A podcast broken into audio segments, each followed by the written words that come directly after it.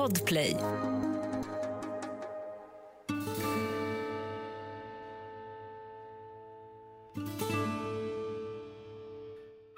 En egenskap som krävs om man ska vara en god entreprenör är kreativitet. Det verkar som att man behöver förmågan att se världen på sitt eget sätt för att hitta nya vägar i affärer. Big Bengt Erlandsson är ett bra exempel på det. Men att han klär sig som en sheriff och har skapat sitt eget land mitt i Småland betyder inte att han får köra sin business som i vilda västern. Välkommen till Misslyckade brott. Mitt i den granskog som Podplay kallar studio sitter Andreas Utterström och Mattias Bergman. Så du skulle säga saloon? Det borde varit en salon. Ska vi ta om den? Mitt i den saloon som Podplay kallar studio sitter Andreas Utterström och Mattias Bergman.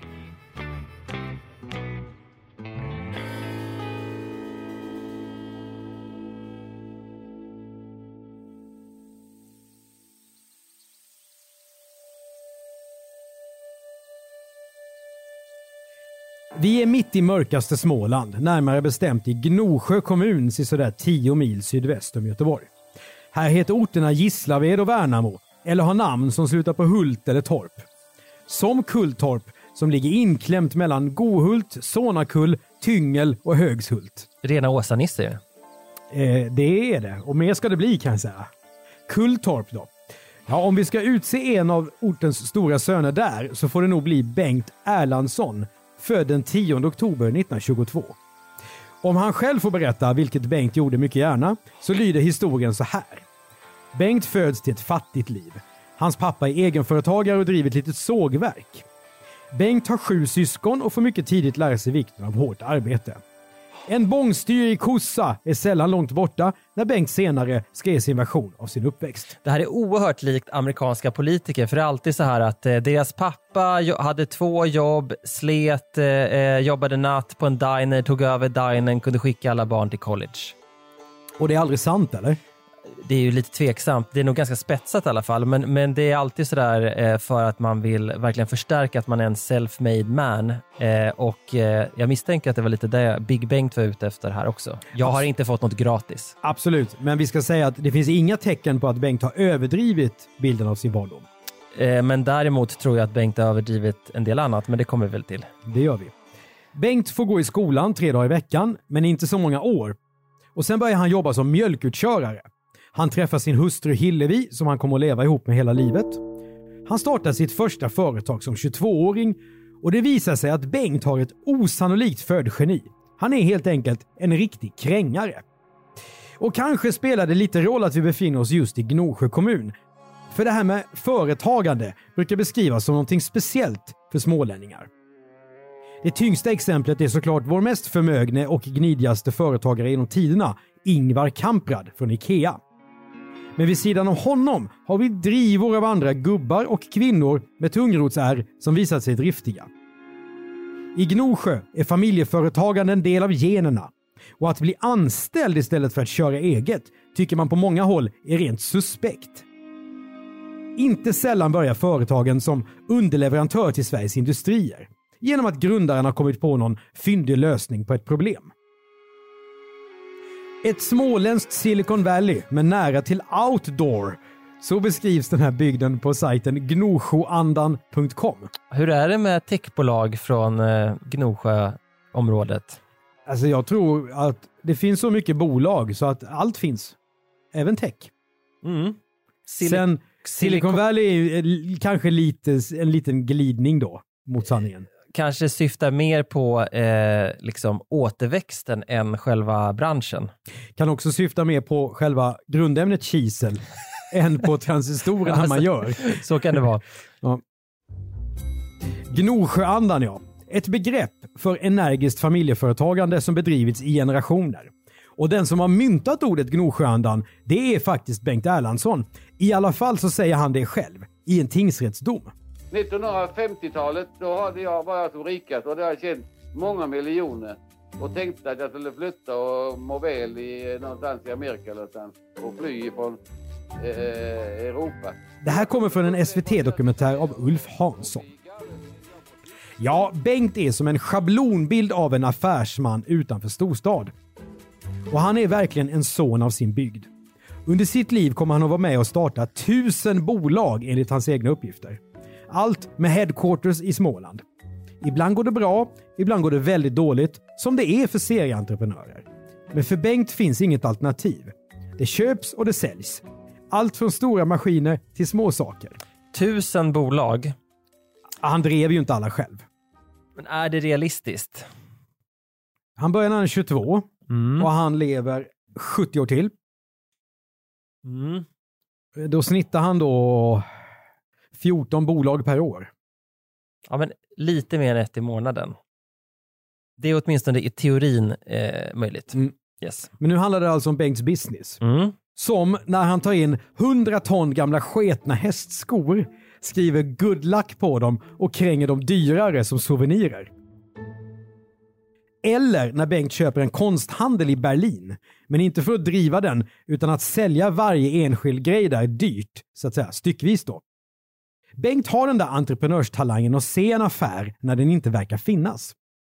Och om han inte köper eller säljer, då byter han. Lyftkranar mot sardiner till exempel. Det... jag, jag, jag misstänkte, misstänkte att det inte var en mot en här då. Nej, det var det inte.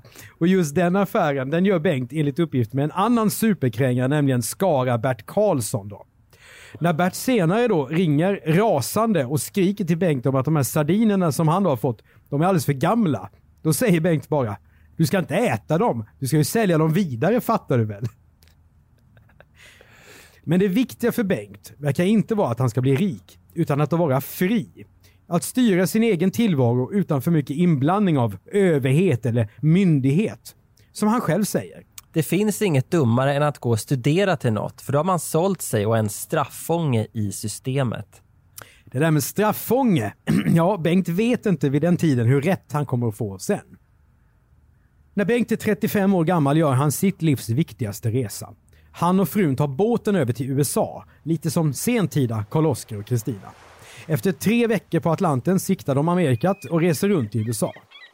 För Bengt är landet mytomspunnet och han tänker såklart också på alla småländska utvandrare som stack dit och flydde svälten i Sverige bara hundra år tidigare. Hem till Sverige från semesterresan tar Bengt en massa nya upplevelser. Och framför allt en idé som ska göra honom legendarisk. Det tar åtta år, men 1965 är resultatet på plats. Bengt har köpt 200 000 telefonstolpar från Televerket som måste bli av med dem för de är förgiftade av kreosot. Ja. Men eh, tydligen då inte så förgiftade så att eh, det inte är tillåtet att sälja dem vidare. Eh, nej, det, de, Televerket har väl ordning. Och Bengt, han vet vad han gör. För de här telefonstolparna, de bygger Bengt ihop till ett militärfort. Helt inspirerat av den amerikanska vilda västern. Tanken är att i det här fortet ska semestrande svenskar få en doft av Yankees och artister ska underhålla med en show. Välkommen till High Chaparral. Världens vildaste vilda västernpark. High Chaparral är en genuin vilda västernpark. Där inget är i plast och allting är på riktigt. För den här världen ligger Bengt nära. Det enkla, påvra, lantliga livet i mellanvästern när de Förenta Staterna var nybildade. Och det gillar svenskarna uppenbarligen också. Året efter, 1966, börjar TV sända västernserien High Chaparral. Den blir en succé, så Bengt döper sin temapark till samma namn. Här, bara någon kilometer från huset där han föddes, går han nu runt, klädd som sheriff i cowboystövlar och Stetsonhatt. Herre över sitt eget land. Hade han också sån här, eh, vad heter det, när det är två snören? Kommer vi, det kommer ja. vi till. Ja, ja, ja. Jag misstänkte nästan. Absolut. Det du menar är så här cowboyslips som det kallas ibland. Just det.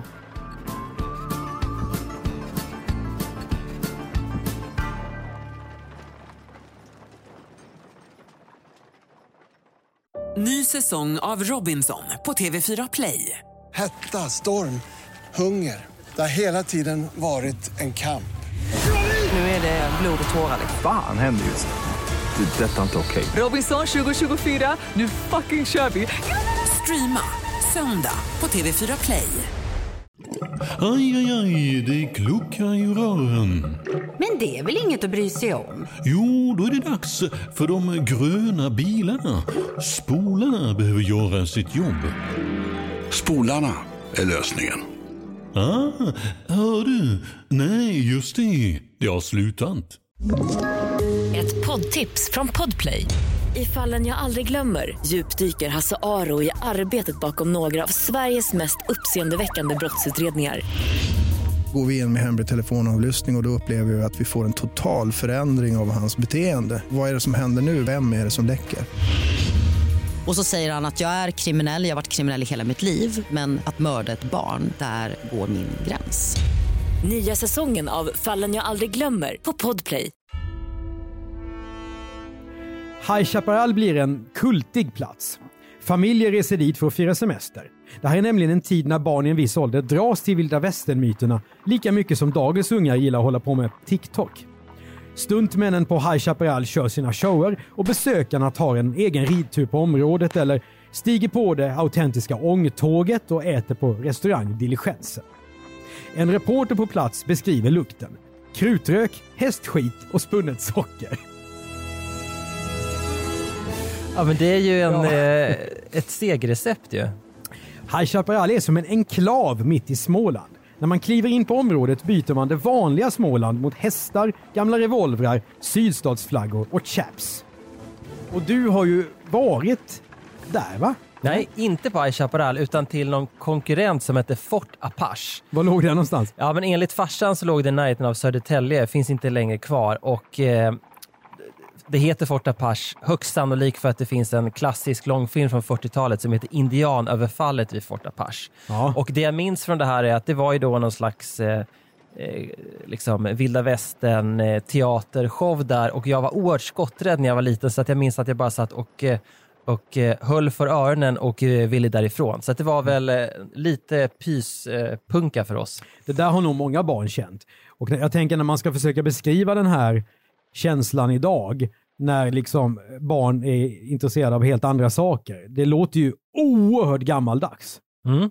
Faktiskt. Men det spelar ingen roll, för succé är det och High Chaparral blir med åren bara större och större och större. Till slut så står det uppemot 265 byggnader på området. Det är då till exempel Onkel Sams Snea hus, inte Sneda utan Snea för vi är ju i Småland. Eller platsen där Lucky Luke-showen äger rum såklart. Och sen har vi en brunaktig sörja här som liknar en å och där vaskar man då guld, det vill säga någon form av glitter som Bengt har stoppat dit. Och förutom temaparken så huserar High Chaparral också vanliga svenska industribyggnader som rymmer Bengts andra företag.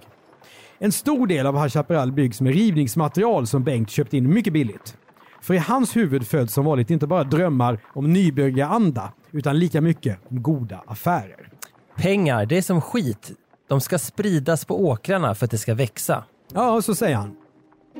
Bengts retorik har nästan något religiöst över sig. Men han inte bara pratar, han gör affärer också. Till exempel 400 000 gamla gasmasker som han köper av svenska försvaret och säljer vidare med god vinst till Israel eller Kongo, vilket land varierar i historieskrivningen. Det gäller att vara beslutsam och snabb.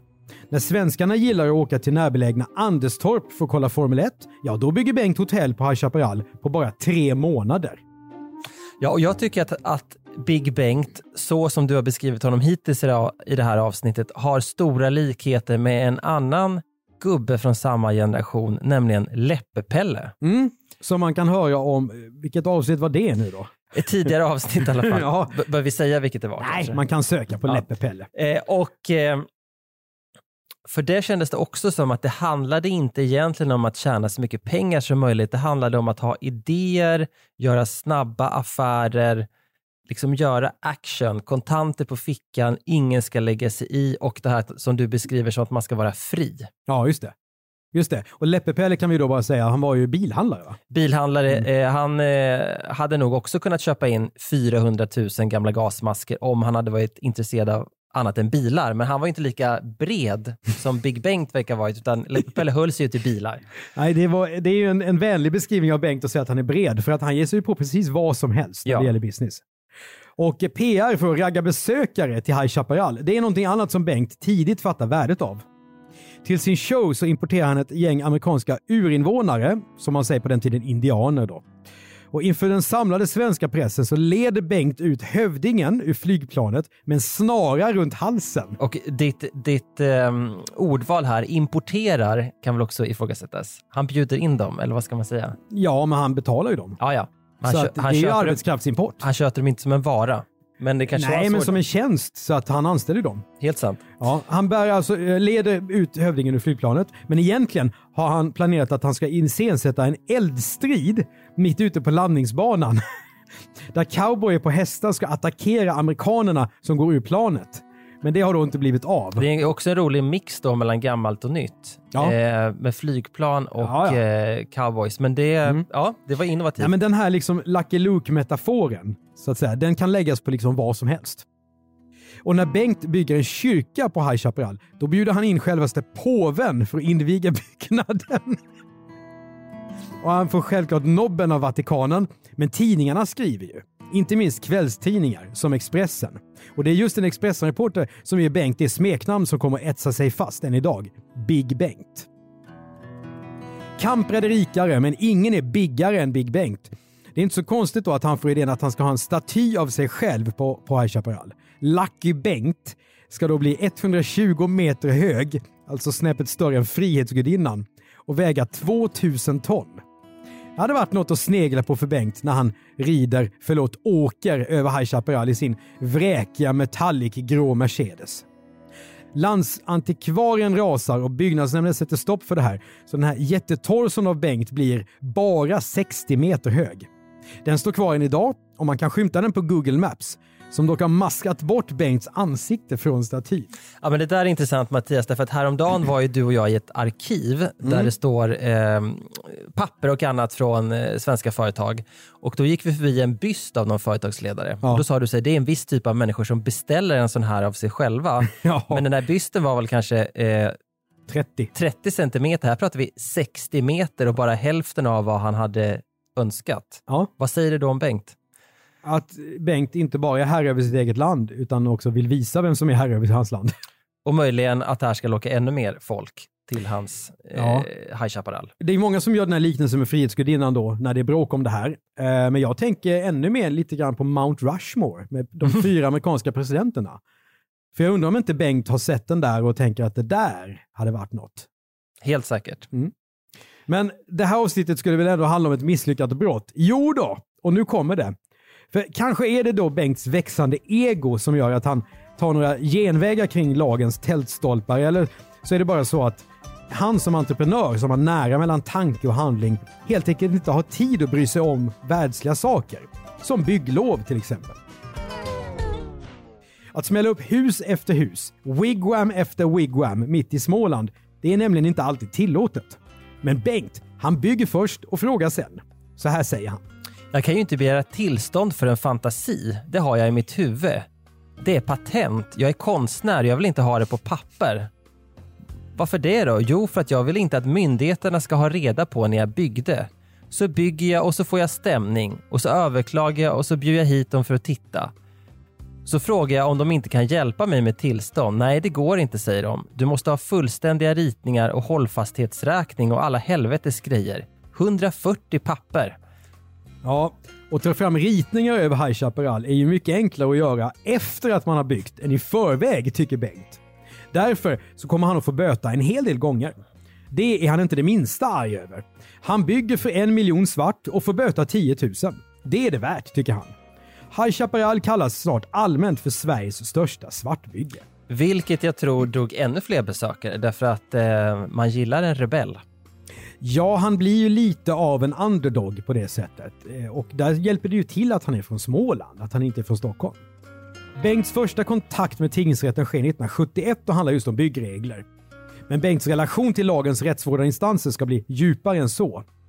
Tio år senare är det dags igen och betydligt allvarligare.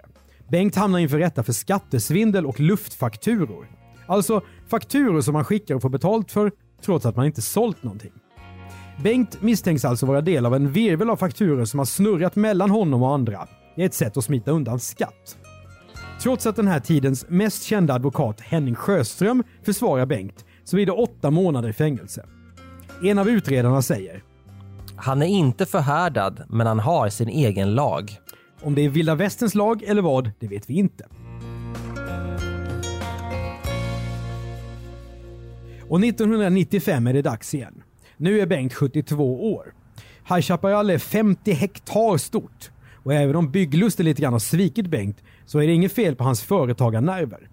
Han har en mängd bolag och jobbar mest business to business nu.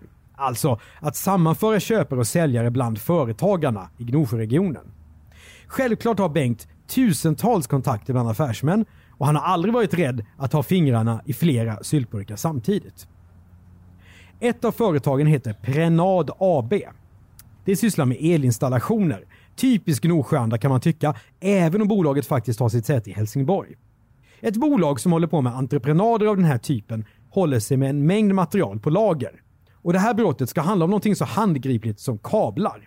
Det låter lite osexigt, men jag anar att eh, det kommer bli ganska underhållande ändå. Tänker du osexigt på samma sätt som de här hundratusen hästskorna eller? Ja men det är ju roligare. Kablar låter, kabelsvindel låter tråkigt men eh, jag misstänker Det är att... torrt. Det är torrt, men det ska bli saftigare. Ja, jag misstänker det. För låt oss koka ner det här målet, för det är inte enkelt.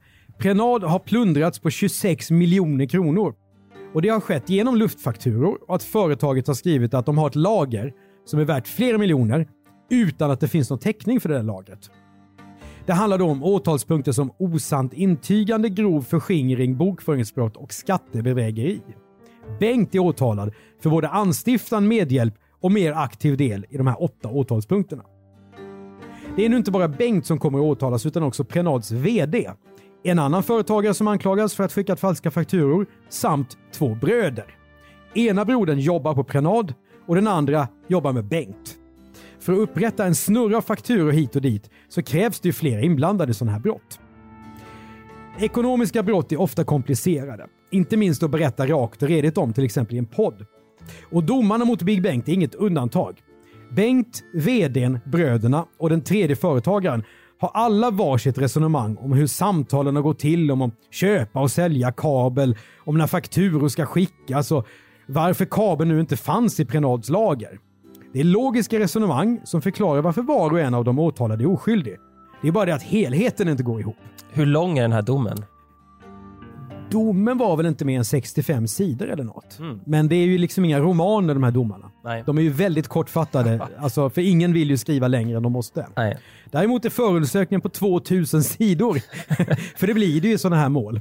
Och åklagaren är fast besluten om att få en fällande dom, vilket brukar vara svårt i sådana här brott.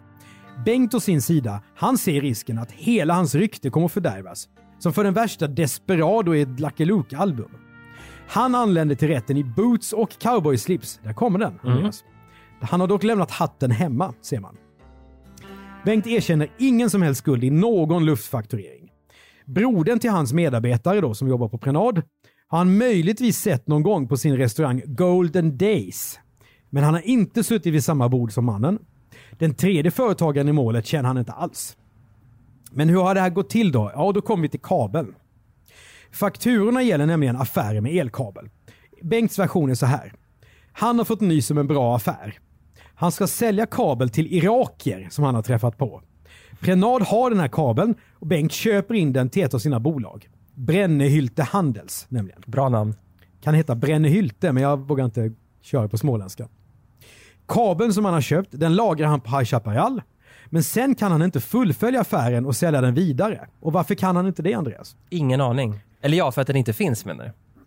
Det skulle vara en förklaring, men det finns en mer, en mer ska säga, legal förklaring. Okej. Han kan ju inte slutföra affären med irakierna på grund av att Gulfkriget bryter ut. Just det, det sammanfaller ju med det. Exakt, 1991 va? Och det är ett hinder som är för stort till och med för Big Bengt. Mm. Så att enligt Bengt då så ligger den här kabeln och skräpar på High Chaparral. Till slut så säljer han då tillbaka den till prenat till underpriset 75 000 kronor. Eftersom han säger sig ha rent mjöl i påsen så borde han ju då vara bitter för att han har förlorat pengar på dealen. Men det säger han ingenting om i rätten. Kanske är det så att han är van att vissa affärer går plus och andra går minus. Så är det ju, både i vilda västern och det moderna Småland. Ytterligare en likhet med Läppepelle som jag har för mig säger eh, vid något tillfälle att ibland säljer vi med förlust bara för att få sälja. Ja, men just det, de går igång på själva dealen. Ja. Helt enkelt. De är, de är mini-Trumps. Mm. Allt handlar om att I wanna make a deal. Just det. Ja, jo, In, inga jämförelser i övrigt. Ja, men eller kanske förresten. Ja, vi får se. Ja. Det här var då Bengts version av kabelaffären. Men hans beskrivning av sin passiva roll stämmer inte det minsta överens med historierna som de andra åtalade ska berätta. Det är oerhörda turer hit och dit. Lån och panter och delbetalningar som tingsrätten i Helsingborg nu måste bedöma. Och exotiska detaljer saknas inte heller. Bengt har varit på sitt lokala bankkontor i Hillestorp och plockat ut 8 miljoner cash. Det är inget konstigt, det tycker han själv. Men vad skulle de användas till då? Ja, 1,2 miljoner av de här pengarna kan i alla fall gå till att köpa en Rolls Royce som letar sig in i det här målet någonstans på sidan 35.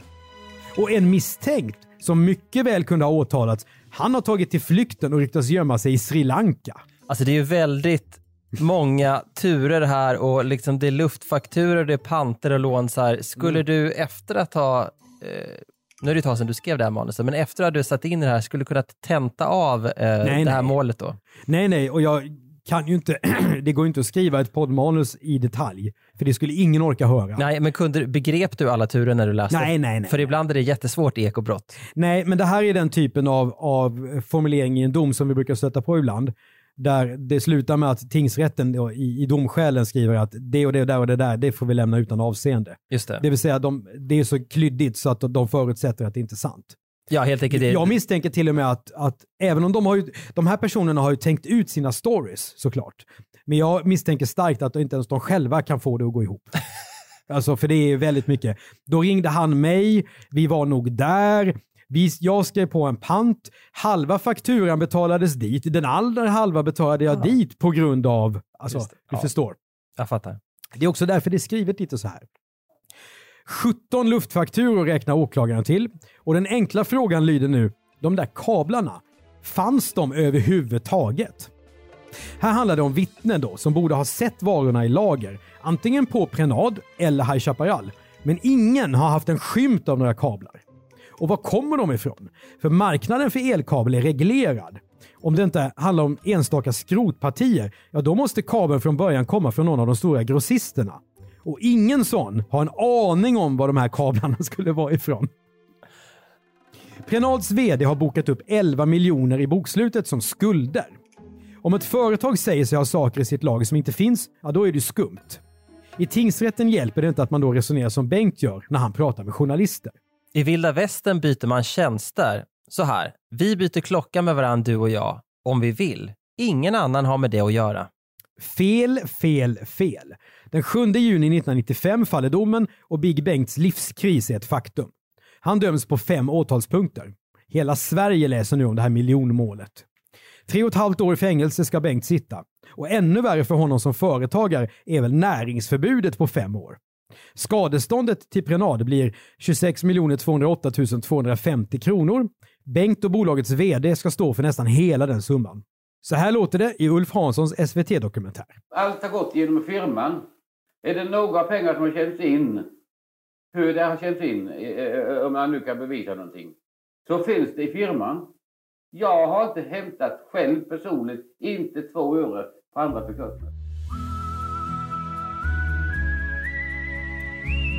I häktets cell nummer 10 sitter nu Bengt och läser dels Bibeln, dels böcker om nybyggarna i Amerika. Han är arg, men skäms inte, utan bedyrar sin oskuld. Tingsrättsdomen har han självklart överklagat. Som sheriff säger jag ärligt att dessa... Som sheriff. Som sheriff säger jag ärligt att dessa veckor varit bland de mest lärorika i mitt liv. Jag har lärt mig mycket om ärlighet, jämlikhet och kamratskap. Så säger han till Expressens reporter om sin vistelse på kåken. Som fånge får han inte bära sheriffstjärna dock, utan poängterar att nu har han likadana kläder på sig som storspionen Stig Bergling. Som här i en SVT-dokumentär. Det finns ingen eh, eh, mördare som kan vara mer totalisolerad än har varit. Till tidningen Expressen säger Bengt så här. Jag tänker fortsätta att bära min sheriffstjärna med stolthet just därför att jag anser att affärer ska bedrivas på ett hederligt vis. Efter sommaren 1995 är det dags för hovrättsförhandling och inför det så släpper man ut Bengt. Flyktrisken anses låg och han styr genast färden hem till sheriffhuset på High Chaparral. Jag kommer igen. Brölar Bengt och drar en parallell mellan sin tre månader långa fängelsevistelse och Nelson, Vänta. Visst är det sjukt? Det är helt groteskt faktiskt. Vi får ta den där meningen igen. Jag kommer igen. Bröla Bengt och drar en parallell mellan sin tre månader långa fängelsevistelse och Nelson Mandela som satt inspärrad i 27 år i sin kamp för svartas rättigheter. Ja, och den liknelsen kanske man kan ha vissa synpunkter på. Alltså jag skulle vilja säga att den är rent eh, osympatisk. den, är, den är ju stötande och eh, kanske att någon journalist som var på plats borde frågat om han tycker det är en rimlig jämförelse. Eh, det här med Mandela, 27 år för att kämpa för liksom eh, svartas rättigheter och att suttit inne i några månader för ekobrott. Mm. Mm. Den 30 augusti 1995 dömer hovrätten och domarna de står fast. Big Bengt är skakad och nu kommer kronofogden ner till High Chaparral. Ungefär som när skurken i svart hatt smäller upp dörrarna till salonen. Högsta domstolen tar inte upp målet utan nu är det slut. Det är bara för Bengt att börja avtjäna straffet. Men nu ska han få hjälp från oväntat håll. Tänk när diligensen är omringad av desperados, men Seb McCahan dyker upp från ett bakhåll och kommer till undsättning. Och Seb i det här fallet, det är en grupp människor i Hillestorp som har gett sig tusan på att rädda Bengt från att skaka galler. Det är synd om honom tycker de. Han är för gammal för att sitta inne. Revirmannen Hagge Geigert skriver en nådansökan tillsammans med Bengt Lindvall som är kyrkoherde i Vetlanda och känd bland annat för att rida in i kyrkan på åsna som Jesus gjorde. Big Bengt har hjärtproblem och hans fans anser det liktydigt med dödsstraff att han ska sitta av sina år i fängelse. De går ut i kvällstidningarna och Bob Sydelme säger han har inte gjort något annat än vad alla småföretagare gör. Balansera på lagens gränslinje och kanske halkat över en liten bit någon gång. Mm. Bob Sydelme är en slags form av underhållare och skådespelerska. Ja, för jag undrade just, vem är det? Det är ett fantastiskt namn. Ja, men det är det och därför var jag tvungen att kolla upp Bobsy, som är en kvinna alltså. Ja. Mm. Det låter alltså inte som att Bobsy riktigt har läst domarna dock om man hör på det här citatet. För att eh, det här med halka över lagens gränslinje, det är ju en ganska mild beskrivning av det som Bengt har gjort. Och långt ifrån någonting som alla småföretagare håller på med. Ja, det får vi verkligen hoppas. Mm.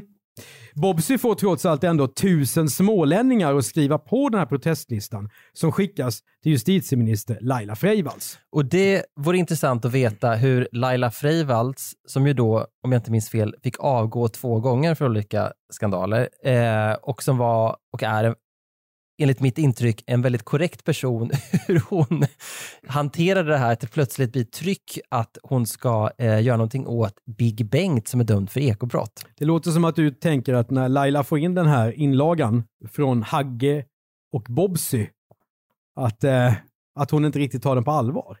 Eh, jag skulle tro att hon och hennes medarbetare tänker, hur orkar folk och vet de vad han egentligen är dömd för? Rimlig tanke. Men det här tilltaget det tar skruv, för sommaren 1996 benådas Bengt Erlandsson. Domen ändras till villkorlig och orsaken är hans höga ålder. Och kabelhärvan den ska faktiskt få nytt liv två år senare. Då har man hittat en gammal videofilm som påstås visa att den här ökända kabeln faktiskt funnits. Det skulle kasta om hela målet. Det blir resning i HD, säger i alla fall Bengts advokat Leif Silbersky. Men när riksåklagaren har tagit målet ett varv till så blir slutsatsen en helt annan. Videon påverkar ingenting utan domarna ligger fast. Ja, för här har ju då Bengt sett sin chans att kunna vara utsatt för ett justitiemord misstänker jag. Ja, och ordet justitiemord om jag minns rätt är någonting som Leif Silbersky inte är det minsta rädd för att använda såklart Nej. i uppsnacket. Bengt är gammal nu, men det hindrar honom inte från att figurera i flera nya tvister. Bland annat i en ogiltig affär med en villavagn. Men efter alla fighter om bygget på High Chaparral får han också viss upprättelse när han tilldelas Gnosjö kommuns kulturstipendium för sitt livsverk. Big Bengt avlider 2016, 93 år gammal. Men han har hunnit se sina barnbarn driva hans livsverk vidare. Efter hans död auktioneras en stor samling av hans gamla ånglok och prylar ut. High Chaparral fortsätter roa turistande svenskar och följer varsamt tidens trender. Idag, när det är inne bland barn att rida käpphäst, då kan de såklart göra det på High Chaparral. Vi vet inte vad Bengt hade tyckt om den moderniseringen, men vi gissar att han följt sina gamla ledord.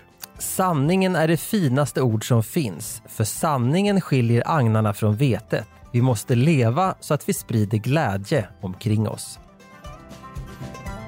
Du har hört ett avsnitt av Misslyckade brott av Mattias Bergman och Andreas Utterström. Exekutiv producent av podden är Jonas Lindskog. Tipsa oss om fall som vi borde prata om i Misslyckade brott till misslyckade bplus.se. Prenumerera gärna på podden och betygsätt den i din poddspelare så är det fler som hittar till den. I vanliga fall driver jag commercial content som jobbar med företagspoddar. Tillsammans med Mattias gör jag för Podplay bland annat dokumentären Jag var där. Lyssna gärna. Du som lyssnar på Podplay, du får ut alla avsnitt av säsong 10 samtidigt, så du har mer att gotta dig åt.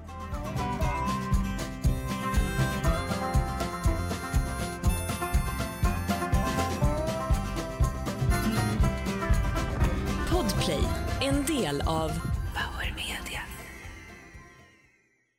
Ny säsong av Robinson på TV4 Play. Hetta, storm, hunger. Det har hela tiden varit en kamp. Nu är det blod och tårar. Fan händer just nu. Det. är Detta är inte okej. Robinson 2024, nu fucking kör vi! Streama söndag på TV4 Play.